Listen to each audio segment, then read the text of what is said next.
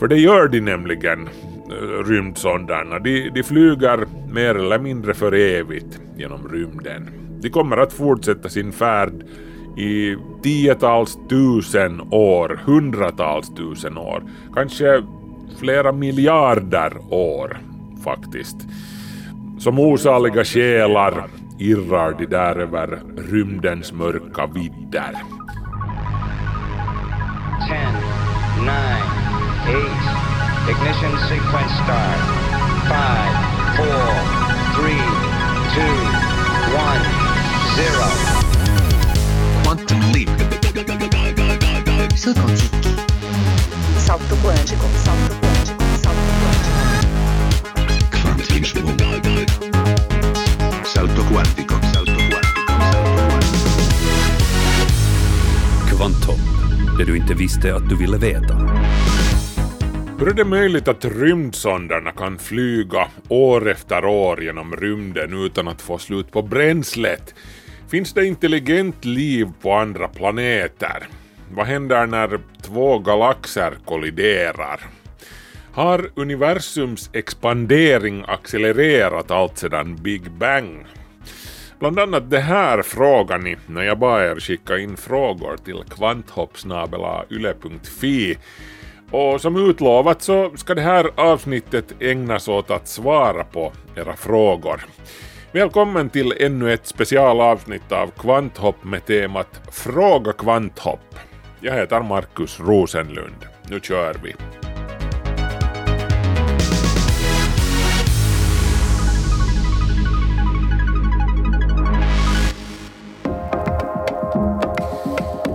Börjar med en fråga som jag fick då, då jag var ute och talade inför levande publik.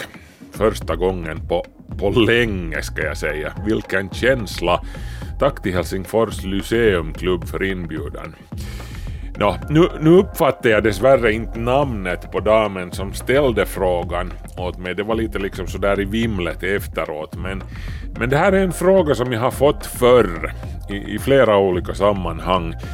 Jag minns att min mormor också undrade över samma sak en gång för länge, länge sedan. Det, det tycks vara någonting som ganska många funderar över. Så, så det kanske är på sin plats med en förklaring här. Alltså, eh, frågan lyder Varifrån får rymdsonderna och de övriga rymdfarkosterna sin drivkraft så att de kan fortsätta flyga år efter år? Den här frågan kom sig alltså av att jag berättade för publiken om Voyager-sonderna 1 och 2 som har varit på väg i 44 år nu. Eh, de sköts iväg 1977, eh, samma år som den ursprungliga Stjärnornas krig-filmen hade premiär. Båda Voyager-tvillingarna besökte Jupiter och Saturnus men efter det här så skildes deras vägar åt. Voyager 1 for och, och kollade in Saturnus-månet Titan medan eh, Voyager 2 tog sig en sväng förbi Uranus och, och Neptunus. Sen flög de bägge två ut ur solsystemet åt lite olika håll. För några år sedan blev faktiskt Voyager-sonderna de första föremål tillverkade av människohand som lämnade solsystemet helt och hållet. Voyager 1 gjorde det här 2012 och Voyager 2 i sin tur 2018. De passerar alltså då den så kallade heliopausen där som solvinden slutar blåsa och, och vindarna utifrån från den djupa rymden tar över. Alltså vindar, med det menar jag laddade partiklar från solen eller från de andra stjärnorna längre bort. Voyager 1, som har tillryggalagt den längsta sträckan av de två och som är den mest avlägsna av alla våra rymdfarkoster, är just nu, alltså nu i september 2021, cirka 23 miljarder kilometer hemifrån. Det här motsvarar ungefär 150 gånger jordens avstånd från solen.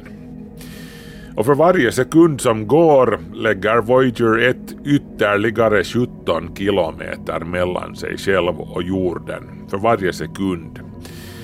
Den har alltså en hastighet på mer än 61 000 kilometer i timmen. Ett vanligt passagerarplan här på jorden, säg nu en Airbus A321, har en marschfart på lite under 900 kilometer i timmen. Och då kan alltså det här Airbus-planet flyga lite drygt 6000 kilometer innan det behöver landa för att tanka. Det är just därför som det strider mot vår intuition att rymdsonder som Voyager 1 och 2 eller Pioneer 10 till exempel, eller vårt sändebud till Pluto, New Horizons, kan flyga på till synes i evighet utan en droppe bränsle i hastigheter tiotals gånger fortare än de snabbaste jaktplanen.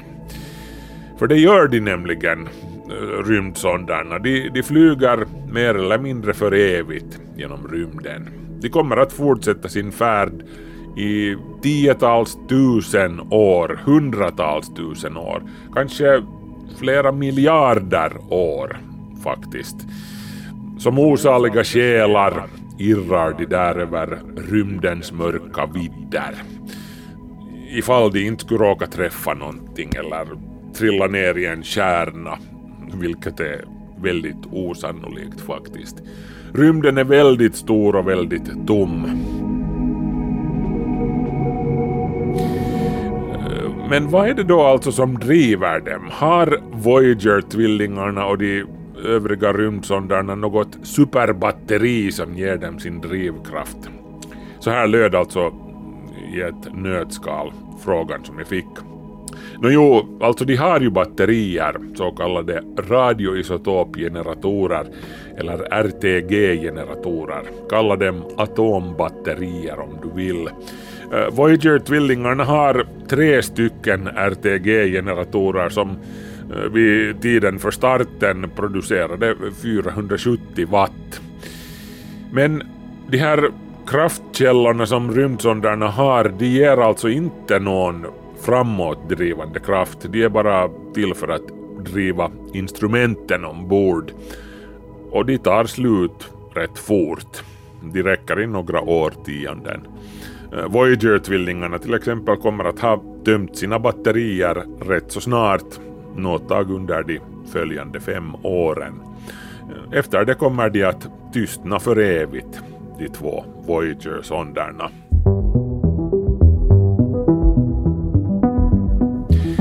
Men det här betyder ju inte att Voyager-sonderna kommer att stanna upp för det. De kommer inte att göra som eh, morfars gamla aktersnurra då, då bränslet tog slut och man fick ro hem. Rymdsonderna bara kör på vidare ut över de kosmiska gapen.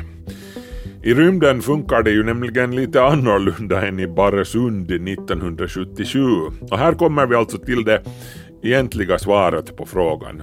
Hittills har jag bara målat upp kulisserna här så att säga. Eh, Nå i alla fall, ett föremål som skjuts iväg ut i rymden, som en rymdsond eller ett föremål som redan finns där som en meteorit, de rullar ju inte längs en väg så att säga. De, de rör sig genom rymdens vakuum ett flygplan eller en bil här på jorden, de, de måste ju kämpa emot luftmotståndet när de färdas från punkt A till punkt B. Motståndet från luften och, och, och rullmotståndet från hjulen resulterar i mycket friktion. Det här får bilen eller flygplanet att sakta in och till slut så stannar de eller trillar från skyn i flygplanets fall om man inte förser dem med framåtdrivande kraft, mera bränsle alltså i praktiken.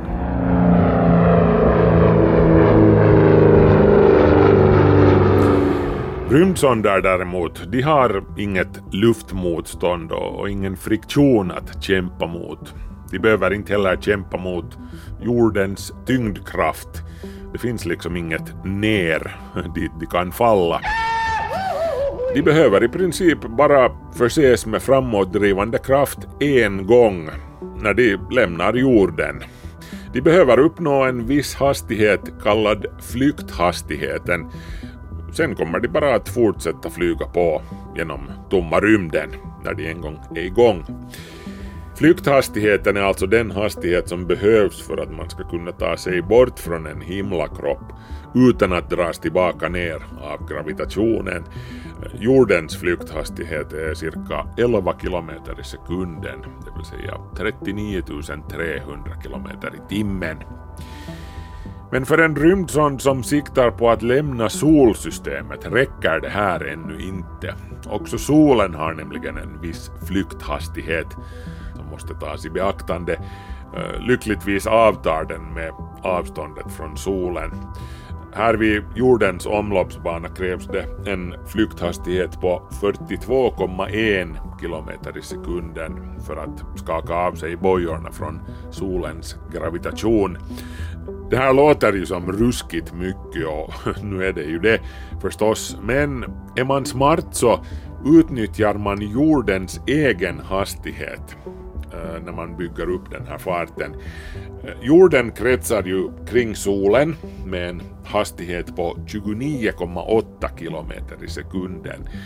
Och en rymdsond som skjuts iväg i jordens färdriktning har så att säga den hastigheten på kontot redan från början. Så det är inte så där himla mycket som behöver skjutas till för att rymdsonden ska få ihop nog med fart för att flyga ut ur solsystemet med tiden.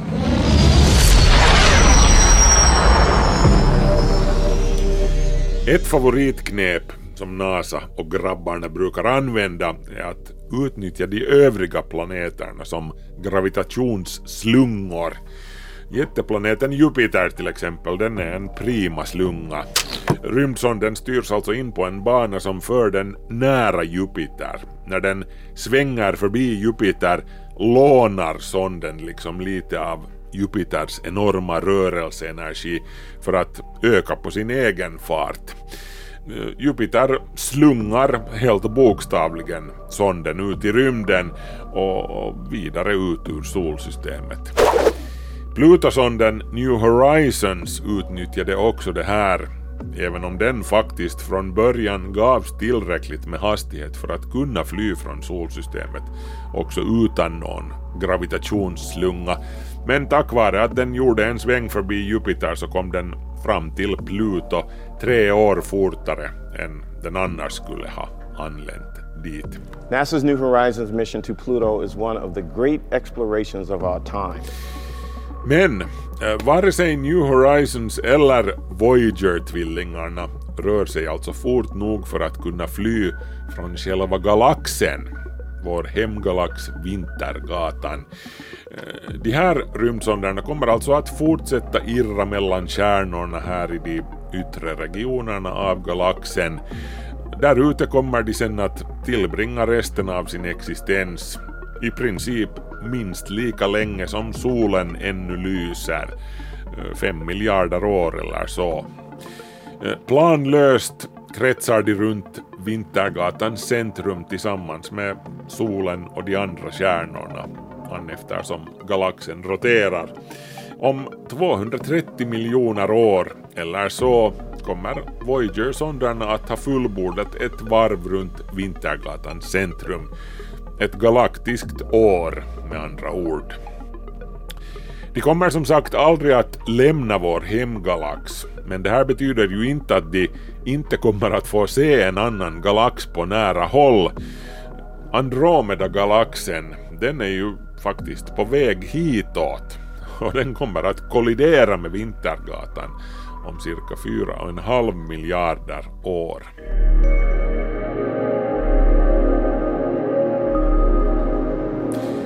Det här anknyter faktiskt till nästa fråga som Mikael Albrecht har skickat in. Den lyder så här.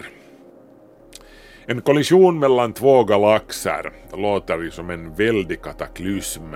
Men hur dramatiskt är det egentligen? För någon som observerar det hela från en planet i någondera galaxen. Det är ju frågan om en långsam process där civilisationer hinner födas, blomstra och dö innan allt är klart.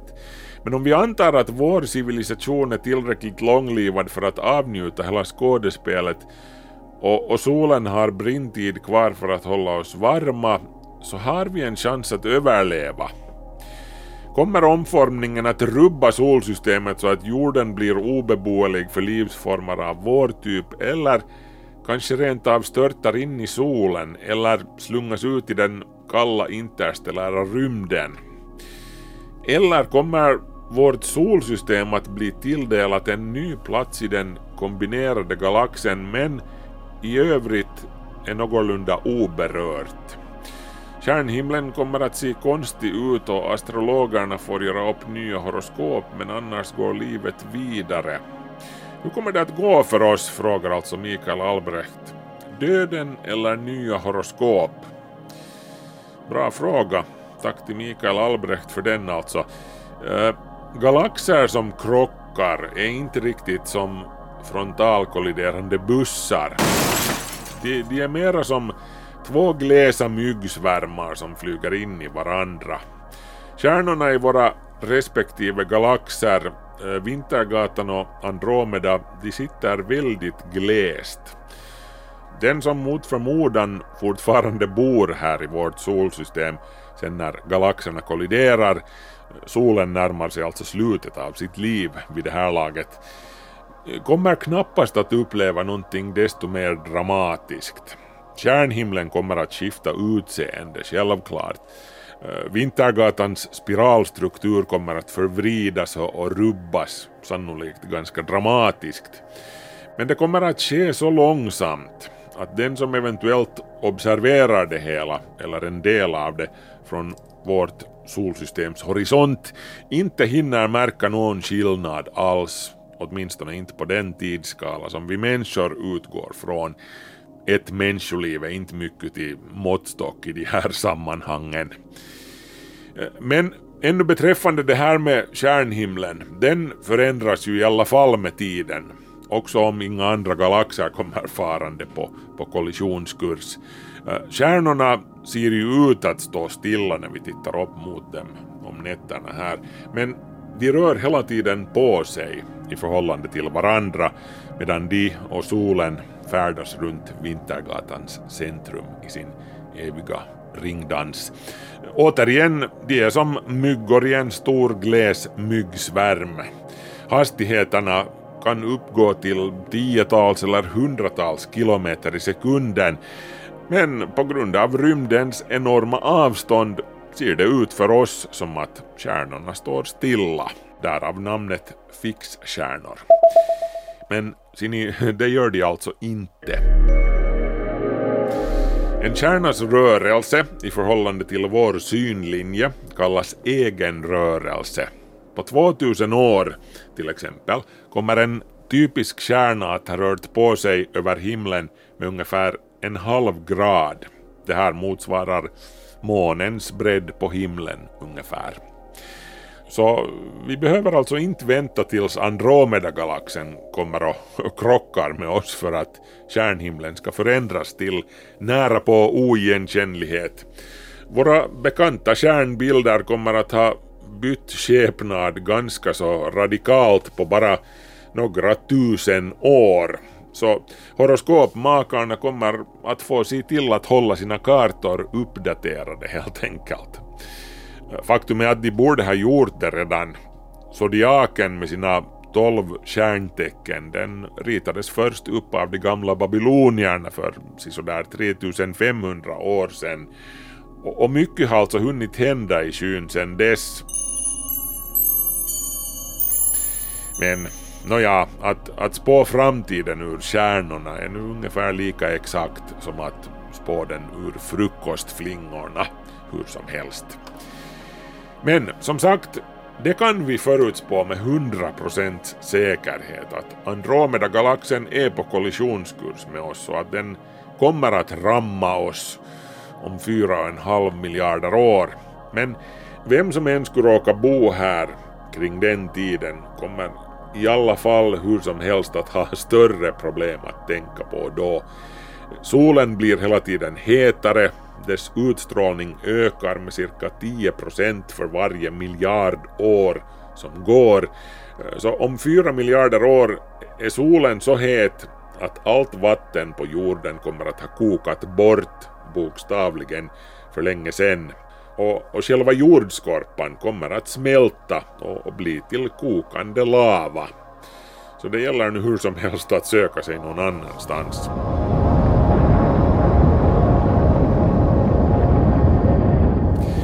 Voyager-tvillingarna, eh, rymdsonderna som jag berättade om, de kommer däremot att kunna observera kollisionen mellan eh, Vintergatan och Andromeda utan desto större dramatik. Eh, de kommer bara inte att kunna berätta om det för någon. De har tystnat för evigheter sedan stumma observatörer, sandblästrade och, och luggslitna till oigenkännlighet av det interstellära dammet som de färdas genom. Men våra röster och vår musik tillsammans med många andra ljud från jorden eh, kommer att leva kvar på de gyllene LP-skivorna som Voyager-sondarna bär med sig på sin vandring utan slut. Huruvida någon hittar dem och lyssnar på dem, det är sen en helt annan fråga eh, som jag inte kan svara på.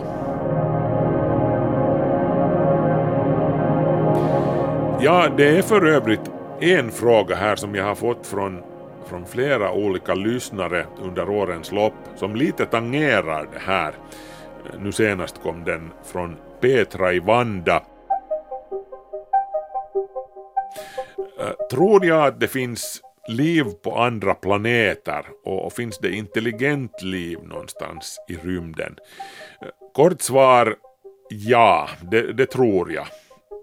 Det finns liv, kanske inte nödvändigtvis på andra planeter här i vårt solsystem, men på exoplaneter, planeter i andra solsystem. Jag har talat om det här i kvanthopp tidigare. Eh, livets uppkomst är sannolikt mer eller mindre en oundviklighet, så länge förhållandena är ens någorlunda ditåt vilket de helt säkert är på otaliga planeter i universum. Så med andra ord, jo, det finns nästan säkert liv någon annanstans i universum. Det är jag långt ifrån ensam om att tro. Finns det intelligent liv däremot? Ja, nå, det är sen en helt annan femma. Men sannolikt är svaret också där ja det här enligt de flesta experter som jag har hört uttala sig. Men kommer vi någonsin att få kontakt med någon annan civilisation där ute i rymden? Nå, där skulle jag kanske inte hålla andan i väntan på att så sker.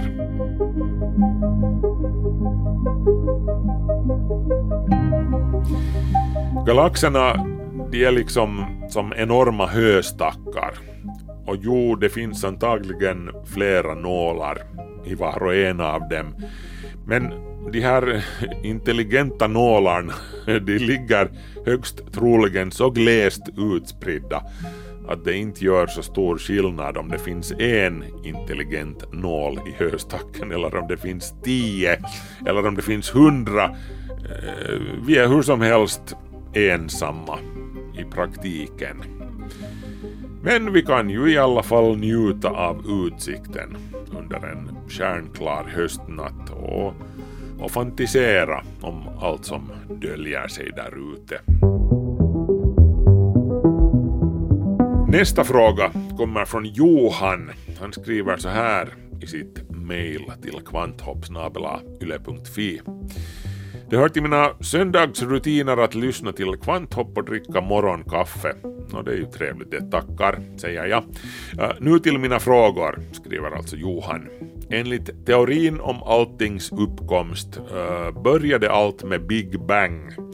Världsalltet expanderade med en ofantlig hastighet under universums första sekund. Du talade om det i kvanthopp i somras.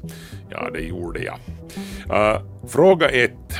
Är denna första sekund relaterad till vår tid eller till den tid då explosionen hände? Och fråga två, har universums expandering accelererat allt sedan Big Bang? För det första, tack för frågorna Johan. Uh, sekunden som jag snackade om där var alltså universums första sekund. Bokstavligen tidens första sekund. Sekunden direkt efter Big Bang. För cirka 13,77 miljarder år sedan. Det var en väldigt spännande sekund som brukar delas in i flera epoker. Första av dem var den så kallade Planck-epoken som, som var så kort att det, det är väldigt svårt att beskriva hur kort den är. I alla fall den följs av den storförenade epoken som i sin tur följs av den elektrosvaga epoken. Allt det här alltså inom en och samma sekund. Och det är alltså i den här sistnämnda epoken, den elektrosvaga epoken, som det du undrade om ägde rum. Fråga två var alltså att har universum expanderat med en accelererande takt alltsedan Big Bang? Låt oss säga så här. Universum har expanderat hela tiden, jo, och, och en stor del av den tiden har farten accelererat. Men accelerationens takt har bara inte varit helt jämn. En vanlig liknelse som brukar användas för att illustrera det här med universums expansion är att baka bröd med, med russin i degen. När bröddegen jäser, som universum expanderar, rör sig russinen, det vill säga galaxerna och galaxklustren, alla bortåt från varandra i takt med att hela, hela degen, alltså rymden, expanderar. Men det finns alltså perioder då universums deg har svällt extra snabbt. Den första av de här perioderna inträffade alltså under den elektrosvaga epoken. Den ägde som sagt rum i, i början av universums första sekund. En bråkdels, bråkdels, bråkdels sekund efter Big Bang. Det är nu som den starka växelverkan skiljs åt från universums två andra grundkrafter, den svaga växelverkan och, och elektromagnetismen. Men den elektrosvaga epoken är alltså också tiden då universum genomgår en våldsam och exponentiell expansion eller inflation som man brukar tala om i det här sammanhanget. Själva rymden blir i det här skedet våldsamt uppblåst som den snabbaste brödjäsning du kan föreställa dig. Den här megajäsningen den pågick alltså mellan 10 upphöjt till minus 33 och 10 upphöjt till minus 32 sekunder efter Big Bang.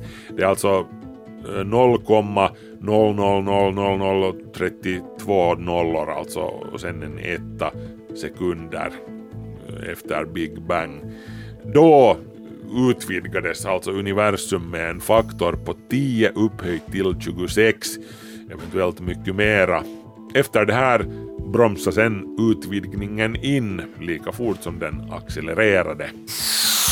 10 upphöjt till 26, alltså det, den här jäsningen, det, det motsvarar en bröddeg som jäser från storleken av en nanometer, alltså halva bredden av en DNA-molekyl, till en jättedeg som är närmare 11 ljusår tvärs över. 11 ljusår, det är lite mer än 62 triljoner kilometer. Det är alltså 62 med 18 nollor efter. Eh, den här så kallade inflationsteorin om universums tidiga superutvidgning den dök först upp under det sena 70-talet. Pionjären här var den amerikanska fysikern och, och kosmologen Alan Guth. I ett nötskal ska inflationsfasen ha gått till som så att gravitationen lade i backväxeln liksom. Den blev repellerande, frånstötande under en superkort tid under universums första sekund. Och följden blev alltså att allting i universum, inklusive själva rymden, flög isär. Att en sån här hyperbrutal jäsning av universums deg har ägt rum går att läsa ur den kosmiska bakgrundsstrålningen som vi alla omges av åt alla håll i rymden. Och det faktum att den här strålningen är väldigt slät, variationerna i bakgrundsstrålningens densitet är väldigt små. Vi snackar om avvikelser på maximalt en tiotusendel från medelvärdet. Och det här tyder alltså helt konkret på att allting i universum har varit i kontakt med allt annat i ett mycket tidigt skede och att alltsammans med ens blåstes upp hiskeligt mycket. Men äh, frågan som Johan alltså ställde var att äh, har universum utvidgats i en accelererande takt allt sedan Big Bang? Uh, universum har alltså fortsatt expandera också efter att den inledande inflationsfasen tog slut. Men uh, expansionstakten tycks ha börjat accelerera märkbart för, för ungefär 4 miljarder år sedan då universum redan var närmare 10 miljarder år gammalt. Och den här farten den den ökar hela tiden, också nu i vår tid. Galaxerna flyger ifrån varandra i en allt snabbare och snabbare takt. Det här kom faktiskt som en stor överraskning för forskarna när det hela upptäcktes i slutet av 90-talet. Det allmänna antagandet var nämligen alltså att utvidgningen snarare skulle bromsa in med tiden, kanske rent av vända om helt. Den accelererande utvidgningen den antas ha att göra med, med det där mystiska någonting som forskarna kallar mörk energi. Också det kan man lyssna mera om i Kvanthopps arkiv på Yle Arenan. Den mörka energin den tros alltså utgöra uppemot 70 procent av universums totala massa även om ingen vet vad den är för någonting. Den fungerar som en sorts motkraft till gravitationen. Albert Einstein han talar om det här som den kosmologiska konstanten, eller lambda. Vad det här i slutänden kommer att innebära för universums öde, också det kan du höra mer om i Kvanthopps avsnitt som har rubriken Big Rip när universum sliter sig självt i stycken. Också det finns på Yle Arenan. Men nåjo, äh, eh, om det nu var någon som blev orolig här så kan vi ju ännu inflika här till slut att ingen av oss, inte ens solen kommer längre att finnas här, eller jorden för den del, eh, när universum möter sitt öde. Vilket det än blir. Hur som helst, eh, du har lyssnat på ett avsnitt av Fråga Kvanthopp. Hoppas ni som frågade är nöjda med svaren. Det blev ganska rymdtungt i det här avsnittet, men det blir helt säkert fler frågeavsnitt av Kvanthopp på andra teman, så skicka gärna in fler frågor om allt mellan himmel och jord till kvanthoppsnabelayle.fi. Markus Rosenlund tackar nu för sällskapet och önskar en trevlig fortsättning på dagen. Ha det bra, vi hörs!